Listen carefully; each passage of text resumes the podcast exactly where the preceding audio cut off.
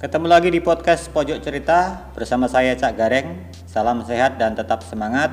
Semoga hari ini lebih baik dari hari kemarin dan hari-hari esok lebih baik dari hari ini. Amin.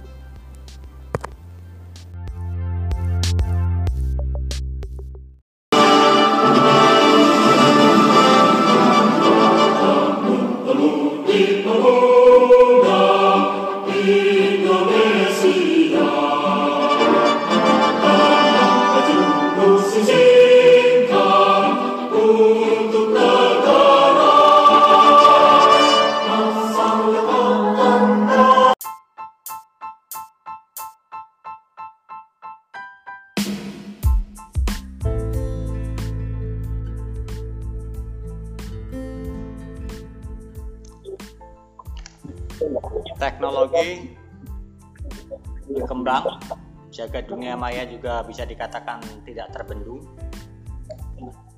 Berbagai media sosial berhamburan, WA, FB, Telegram, WeChat, uh, Bigo dan lain-lain. Nah, apakah perkembangan dan kemajuan zaman ini berpengaruh pada budaya lokal? Kita ketahui banyak generasi saat ini yang seperti generasi robot apa-apa tinggal pencet, apa-apa tinggal pencet, apa-apa tinggal ketik. Apa yang terjadi? Budaya bersosial, tenggang rasa semakin lama nampak semakin berkurang di negeri tercinta ini. Untuk membahas hal itu, saya sudah terhubung dengan seorang pemuda yang aktif dalam pergerakan sosial budaya. Kita sapa bersama Mas Hafid Jaini. Selamat malam Mas Hafid Jaini. Selamat malam, selamat malam, Kak. Alhamdulillah. Apa kabar ini, Mas Hafid? Alhamdulillah. Sekarang uh, tidak lagi mana posisi? Kurang. Lagi di rumah. Oh, lagi di rumah di Pasuruan ya? Di Pasuruan. Lagi nongkrong sama sahabat-sahabat. Alhamdulillah. Ini saya mau mau ngobrol-ngobrol sebentar terkait peran pemuda dan budaya ini kan karena kita lihat uh, ya sedikit miris juga ya melihat budaya lokal kita dengan kemajuan zaman yang seperti ini nampaknya semakin tergerus ini. Generasi kita banyak menjadi generasi robot. Mungkin seperti itu mas ini ya. Betul betul ya. Betul betul ya. Nah, sebenarnya kalau saya boleh tanya apa sih peran pemuda ini untuk budaya lokal di negeri Indonesia ini bang? Betul betul ya. Jadi uh, bicara peran pemuda memang uh, ini memang definisi yang sudah tidak asing memang gitu. Jadi memang pemuda itu memang uh, merupakan suatu generasi penerus bangsa. Memang menjadi suatu pemahaman yang tidak baru lagi memang ini. Bahkan kemajuan suatu bangsa memang juga sering dikaitkan dengan bagaimana peran pemuda di dalamnya. Oh, sebentar, sebentar, saya potong. Berarti maju dan tidaknya sebuah bangsa itu tulang punggungnya adalah pemuda, Bang Jan ya? Memang betul. Jadi ada peribahasa mengatakan bahwa setiap kemajuan dari suatu negara bahkan suatu kelembagaan atau organisasi itu tergantung pada setiap generasinya. Hmm. Siapa generasinya itu adalah pemuda, kak. Oh iya siap siap siap siap. Berarti sangat berbahaya ya jika generasi muda khususnya pemuda-pemudi ini lupakan budaya lokal dan lebih tergila-gila dengan budaya manca, bang ya betul bisa betul mengancam uh, keberlangsungan budaya lokal kita juga itu betul betul sekali ya lalu di mana peran peran pemuda itu diletakkan dalam dalam menjaga budaya lokal ini anu Mas Habib kira-kira di mana perannya itu Nah, ini memang itu pertanyaan bagus sekali nih. Di mana letak pemuda? Nah, Kalau bicara sudah, eh, di mana letak peran pemuda itu? Iya. Jadi dalam sejarah memang peran pemuda ini cukup banyak memang. Salah satunya eh, ketika kita bicara peran pemuda dalam sejarah yang pertama bisa dilihat itu dari adanya eh, pergerakan Budi Utomo yang berlangsung pada tahun 1908 gitu. Nah, setelah, setelah itu memang ada pula e, peristiwa Sumpah Pemuda. Sumpah Pemuda itu kan terjadi pada tahun 1928. Ada lagi ketika puncak di mana kemerdekaan Indonesia itu yang menghasilkan ikrar sumpah pemuda kemudian ditompang lagi ada proklamasi kemerdekaan pada 1945 itu juga menyangkut golongan muda aja di dalamnya aja. Hmm. Uh, saya mau tanya Bang Hafiz, kira-kira kalau pemuda sekarang ini kebanyakan pemuda sekarang ini kalau disuruh berjuang seperti dulu, kira-kira masih sanggup gak ini ya? kira-kira sangat masih sanggup. Apalagi ya? hari ini, uh, benar. Apalagi hari ini kita ditompang dengan teknologi, pembaharuan, pembaharuan uh, modernisasi itu juga sangat menopang.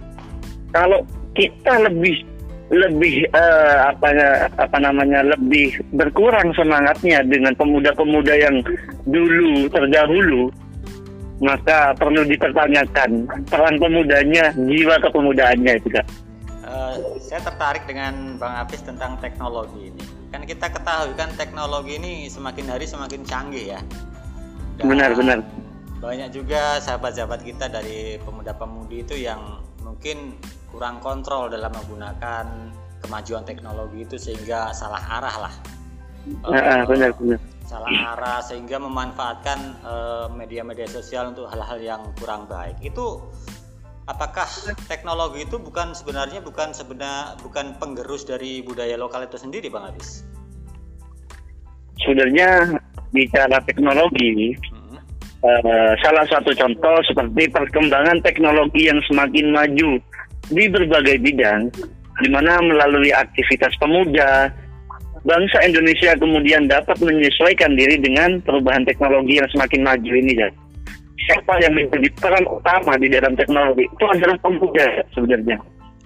Namun dengan adanya perkembangan teknologi semakin maju dan modern, juga menjadikan segala pengaruh bahkan kebudayaan asing itu masuk lebih mudah.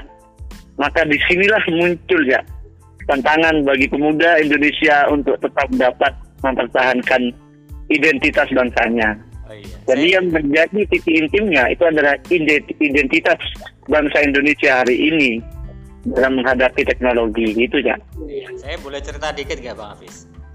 Sangat boleh ya, Jadi Silakan. dulu dulu waktu saya sekolah itu ya. Dulu itu waktu saya sekolah itu ketika salah satu siswanya itu rambutnya putih atau rambutnya warna pirang itu seperti kurang nyaman karena tidak sama dengan yang lain yang rambutnya hitam. Itu yang pertama ya. Terus saya pernah ngalamin juga sendiri. Dulu itu ketika saya berangkat sekolah itu masih sekitar tahun 90-an e, eh, celana pendek saya itu belakangnya itu bolong bolong akhirnya saya tambal dengan tancoplas nah e, realita di tahun 90-an yang pernah saya alami itu kan seperti berbalik dengan yang saat ini terjadi kan bagaimana kita lihat anak-anak muda sekarang bisa bergaya dengan rambutnya yang merah, hijau, kuning, coklat dan lain sebagainya. Itu yang pertama. Terus e, misalnya ada apa namanya tuh celana yang utuh itu dirobek-robek supaya bisa lebih gaya dan lain sebagainya. Ini sebenarnya apa sih yang terjadi sebenarnya dengan pemuda ini? Saya heran sebenarnya ini. Uh, jadi memang sangat cukup, uh, cukup jelas memang hari ini perubahan-perubahan aktivitas pemuda, karakter pemuda bangsa memang banyak dipengaruhi oleh budaya barat. Memang hari ini kak, kita sadari Indonesia tidak lagi diserang dengan uh, senjata maupun diserang secara uh, dijajah. Akan tetapi ada yang lebih kejam hari ini yaitu bagaimana kita diserang oleh budaya-budaya asing, diserang secara psikologi kita, bahkan saja bahkan sampai pada diserang secara mental kita. Contohnya salah satu ya, salah satu contoh hari ini pemuda-pemuda membela kaum-kaum K-pop, kaum-kaum barat. Nah, ini salah satu bagaimana kita sudah dijajah oleh uh, dijajah secara psikologis, secara mental oleh orang-orang barat. Begitu ya.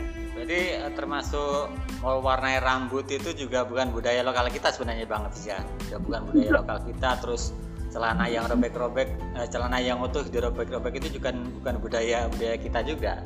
Itu mungkin kalau bisa dikatakan lebih budaya tren ya.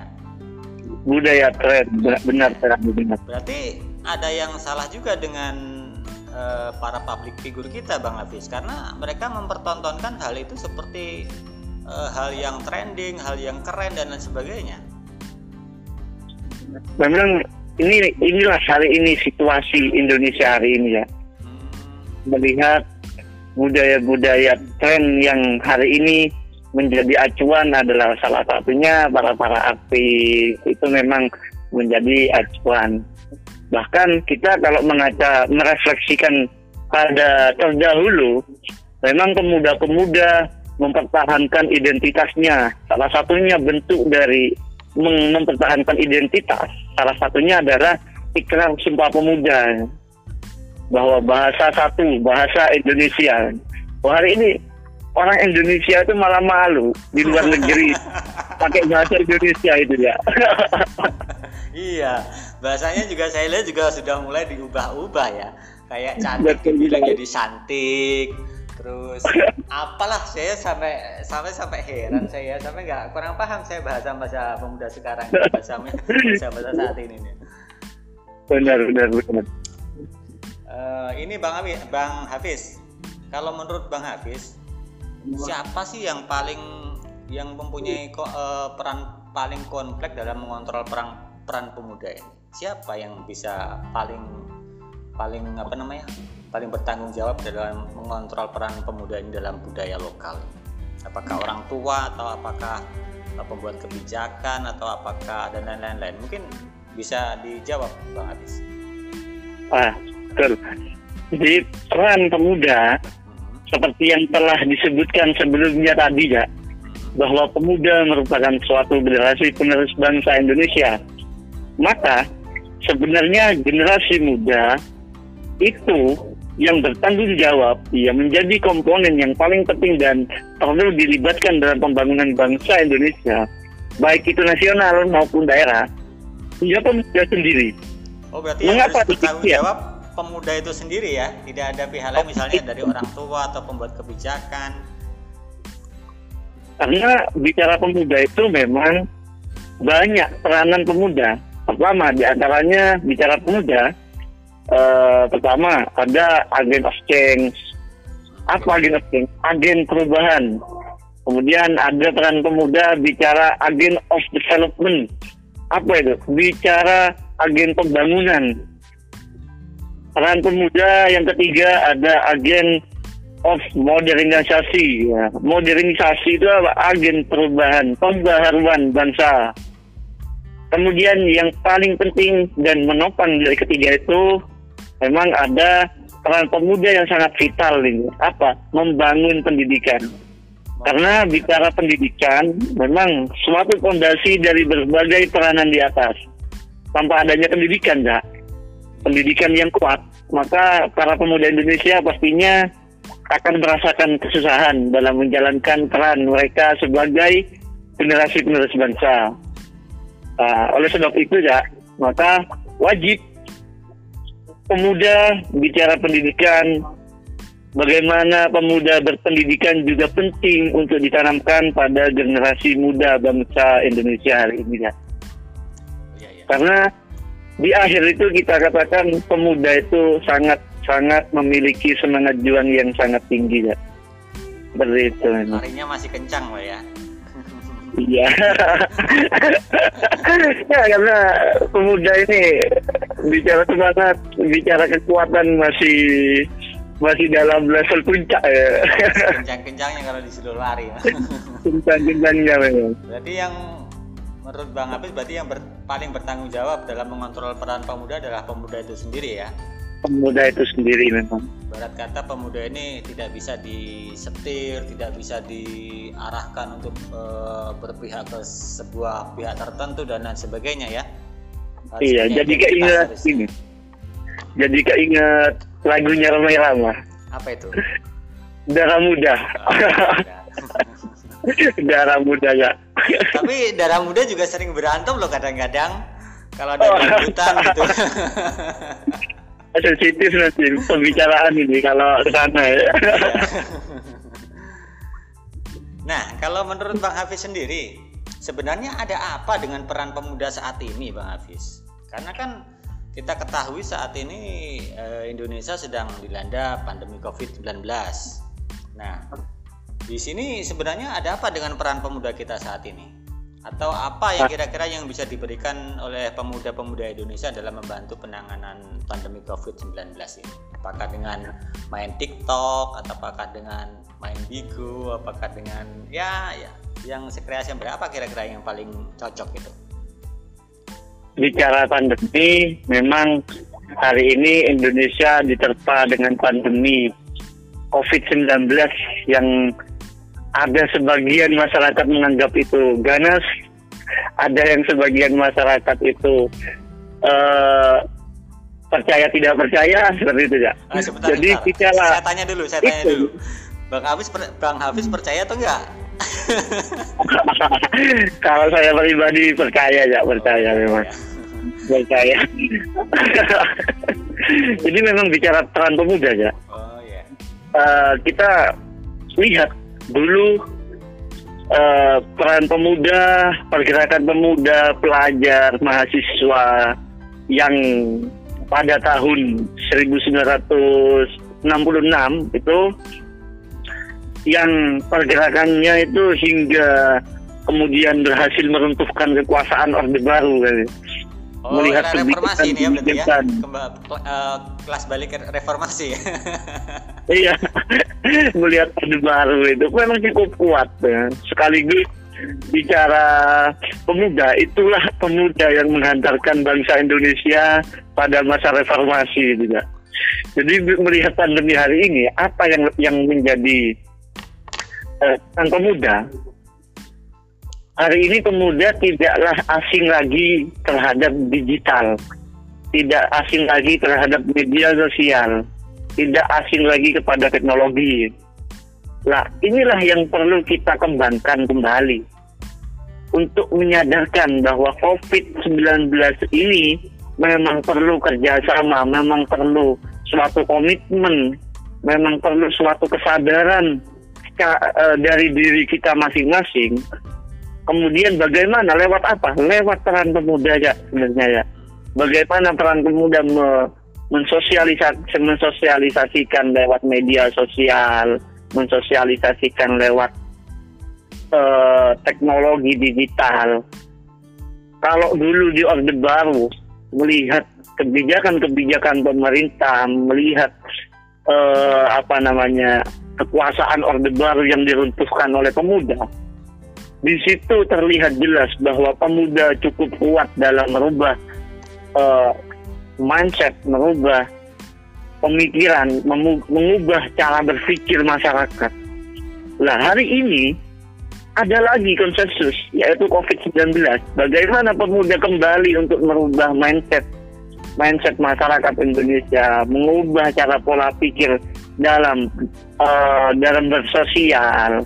Karena memang yang paling penting dalam suatu kenegaraan memang bagaimana kesehatan dari rakyatnya, bagaimana uh, raga dan jiwa ini tetap menyatu, seperti itu ya.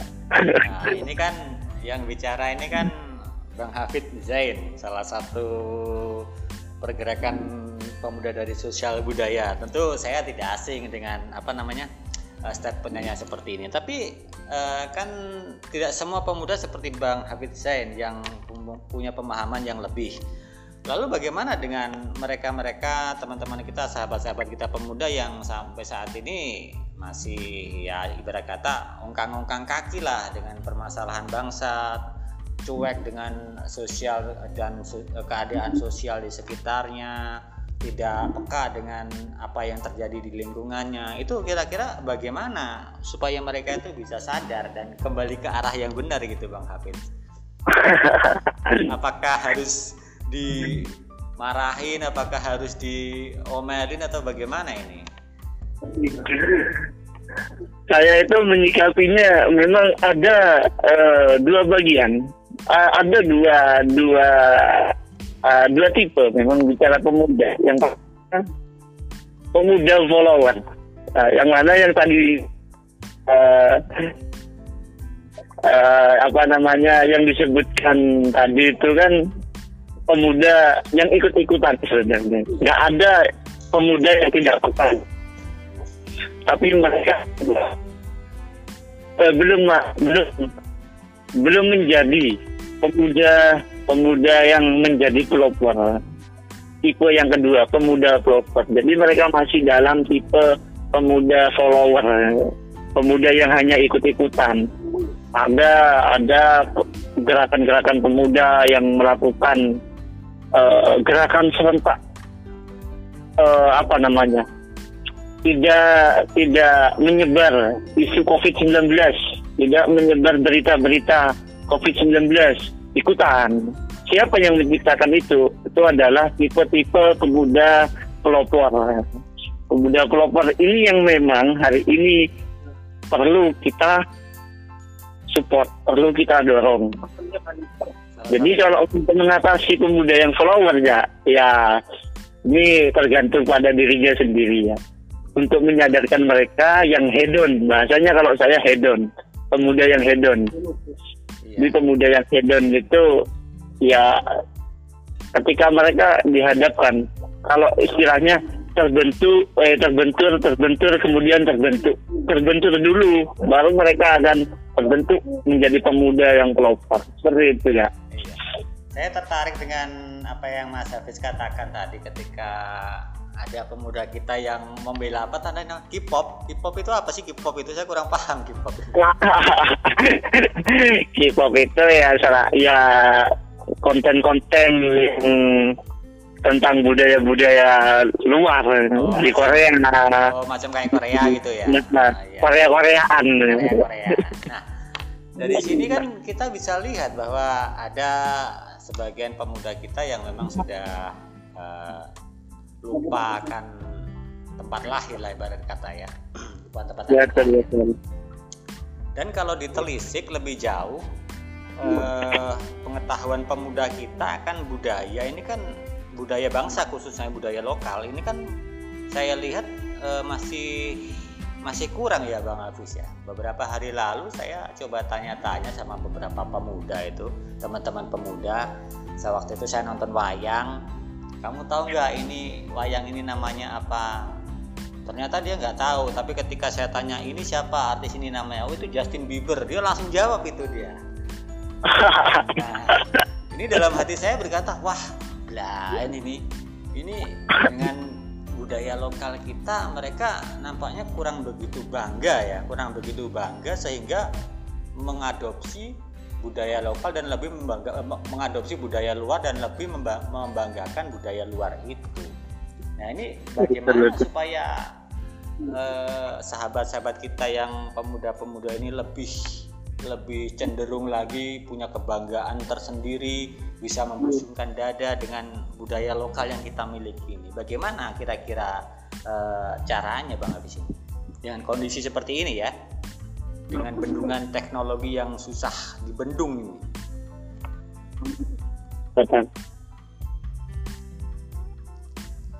Pengaruh.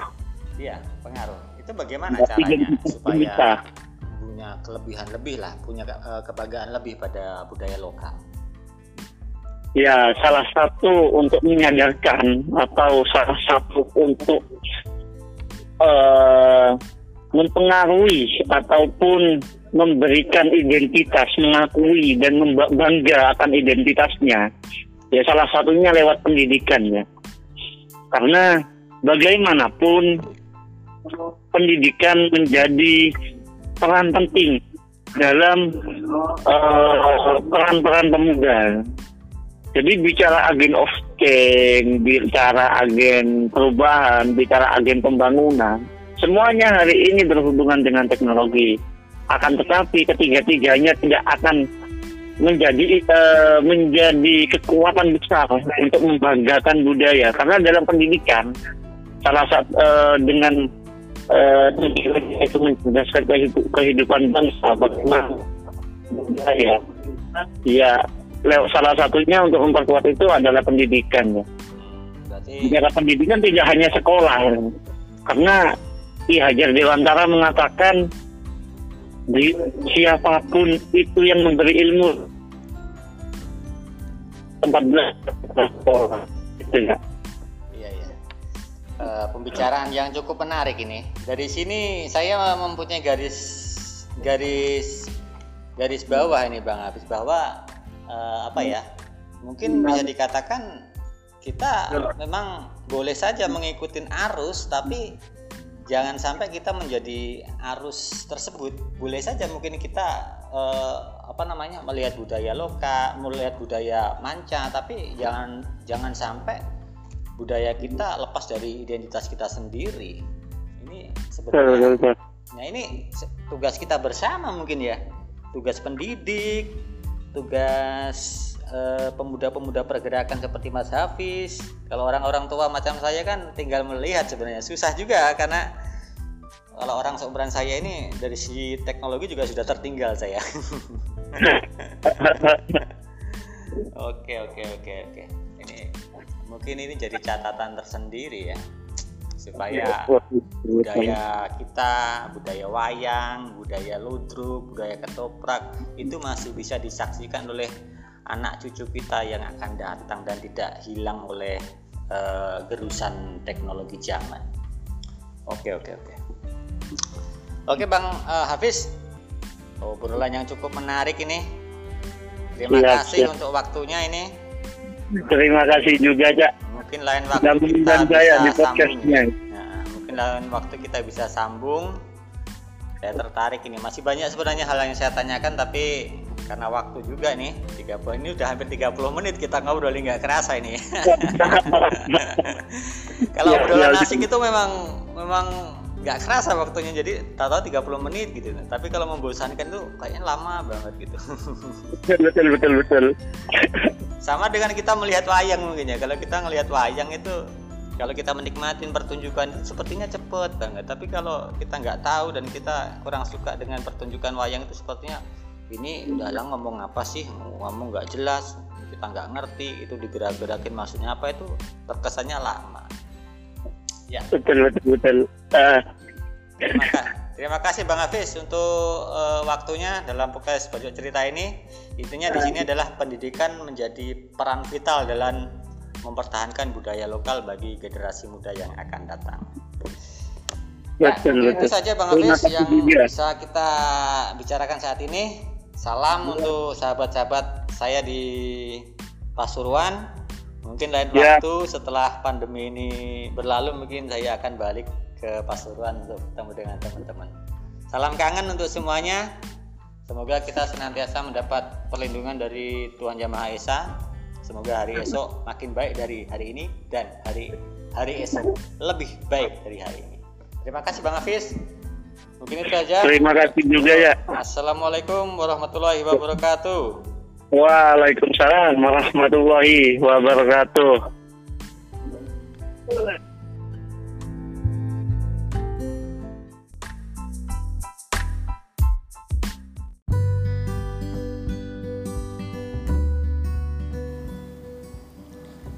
Demikian bincang-bincang kita dalam podcast Pojok Cerita dan semoga bermanfaat. Sampai ketemu lagi dalam tema-tema menarik lainnya. Tetap berkarya dan melakukan yang terbaik. Akhir kata dari saya, terima kasih dan sampai jumpa di lain kesempatan.